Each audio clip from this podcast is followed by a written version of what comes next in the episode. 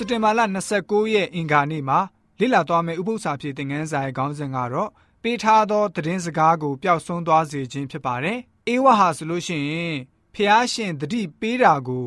သူဟာအမတ်တမဲ့နေခဲ့ပါတယ်။သူမရဲ့ပြောပုံဆိုပုံအရဖျားရှင်မိတ်ကြားထားတဲ့တတိပေးစကားတွေကိုအတိဘေကောက်လွဲတာမျိုးမဖြစ်သည့်တိုင်အောင်အရေးတယူထားခြင်းမျိုးမရှိတာကို တွေ့ရပါတယ်။ ဒီလိုနဲ့အေဝါဟာဆိုလို့ရှိရင်မွေနဲ့ရင်ဆိုင်စကားပြောတဲ့နေရာမှာ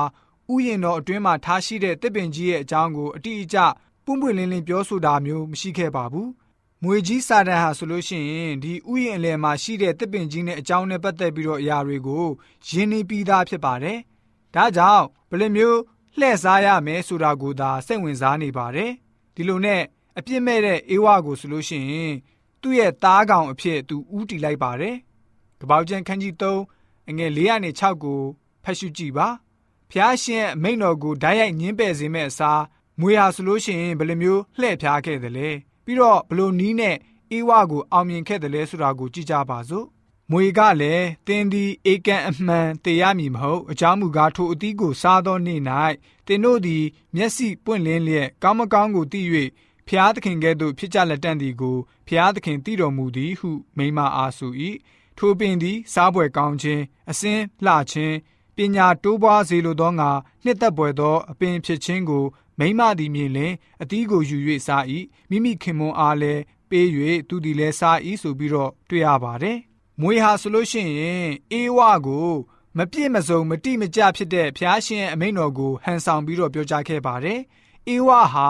ဖျားရှင်နဲ့အရင်ဦးဆုံးတိုင်ပင်ဆွေးနွေးရမှာဖြစ်ပါတယ်။အဲ့ဒီအချက်ကတော့ အေဒင်ဥယျင်ကျောင်းရဲ့ပညာရေးစနစ်ပဲဖြစ်ပါတယ်။အလွန်မှလှပတဲ့ပညာရေးစနစ်ဖြစ်တော်လဲပဲအေးဝဟာဆိုလို့ရှိရင်ဖျားရှင်နဲ့မဆွေးနွေးမတိုင်ပင်မဲနဲ့စာတန်ကိုလည်းပဲရှောင်ရှားခြင်းမပြုဘဲနဲ့မွေရဲ့စကားကိုလက်ခံခဲ့ပါတယ်။မွေရဲ့စကားကိုလက်ခံလိုက်ခြင်းအပေါ်မှာတုံးသက်လိုက်မယ်ဆိုလို့ရှိရင်တော့အေဝါဟာဖျားရှင်ရဲ့စကားအမိန့်တော်ကိုဒွိဟာတန်တရားစိတ်ဝင်နေပြီးတော့ဖျားရှင်တင် जा ပေးတဲ့ပညာရက်ကိုမယုံကြည်တဲ့အကြောင်း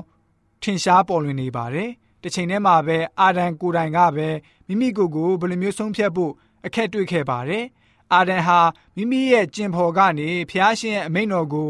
ဖောက်ဖျက်ကျူးလွန်ခဲ့တဲ့အကြောင်းနားလည်ခဲ့ပါတယ်။တားမြစ်ထားတဲ့အရာကိုအရေးမဆိုင်ပဲလှုပ်ချင်ရလှုပ်ပြီးဖြစ်တဲ့အကြောင်းသိရှိလိုက်ပါတယ်။အာဒန်ရဲ့စိတ်ထဲမှာဆိုလို့ရှိရင်ရောက်ရက်ခက်ရှုပ်ထွေးမှုတွေဖြစ်ခဲ့ပါတယ်။ အေးဝါကိုမိမိနဲ့ခွာပြီးတော့သွားခွင့်ပေးတဲ့အတွက်ကြောင့်သူဟာဝမ်းနေပြီးတော့ညှဉ်းညူနေခဲ့ပါတယ်။သို့တော့ယခုမှတော့အချိန်နေဟာဆိုလို့ရှိရင်လွန်ကုန်ပြီဖြစ်ပါတယ်။ယင်းဤဆက်ဆံပေါင်းဖော်ခဲ့သမျှပျော်ရွှင်မြူးတူးခဲ့သမျှအခုခါမှာတော့ခွဲခွာရတော့မှာဖြစ်ပါတယ်။အာဒံဘယ်လိုမျိုးဆုံးဖြတ်မလဲဆိုပြီးတော့ဝိညာဉ်တော်စာပေဖြစ်တဲ့ E.G. White Patriots and Prophets စာမျက်နှာ56ကဖော်ပြထားတာတွေ့ရပါတယ်။ဒီလိုနဲ့အမှားနဲ့အမှန်ကိုရွေးချယ်တဲ့နေရာမှာအာဒံဟာဆိုလို့ရှိရင်လည်းပဲ အမှားကြီးကိုရွေးချယ်လိုက်ခဲ့ပါတယ်။မွေပြောခဲ့တဲ့စကားမှာဆိုလို့ရှိရင်အဲ့ဒီအသီးကိုစားမယ်ဆိုရင်ဖျားလိုဖြစ်မယ်ဆိုပြီးတော့တွေ့ရပါတယ်။သို့တော့ကပောက်ကျန်ခန်းကြီး1ငွေ29မှာတော့လူသားတွေဟာဆိုလို့ရှိရင်ဖျားနဲ့တူတယ်ဖျားရဲ့ပုံသဏ္ဍာန်နဲ့ညီတယ်လို့ပြောထားပြီးသားဖြစ်ပါတယ်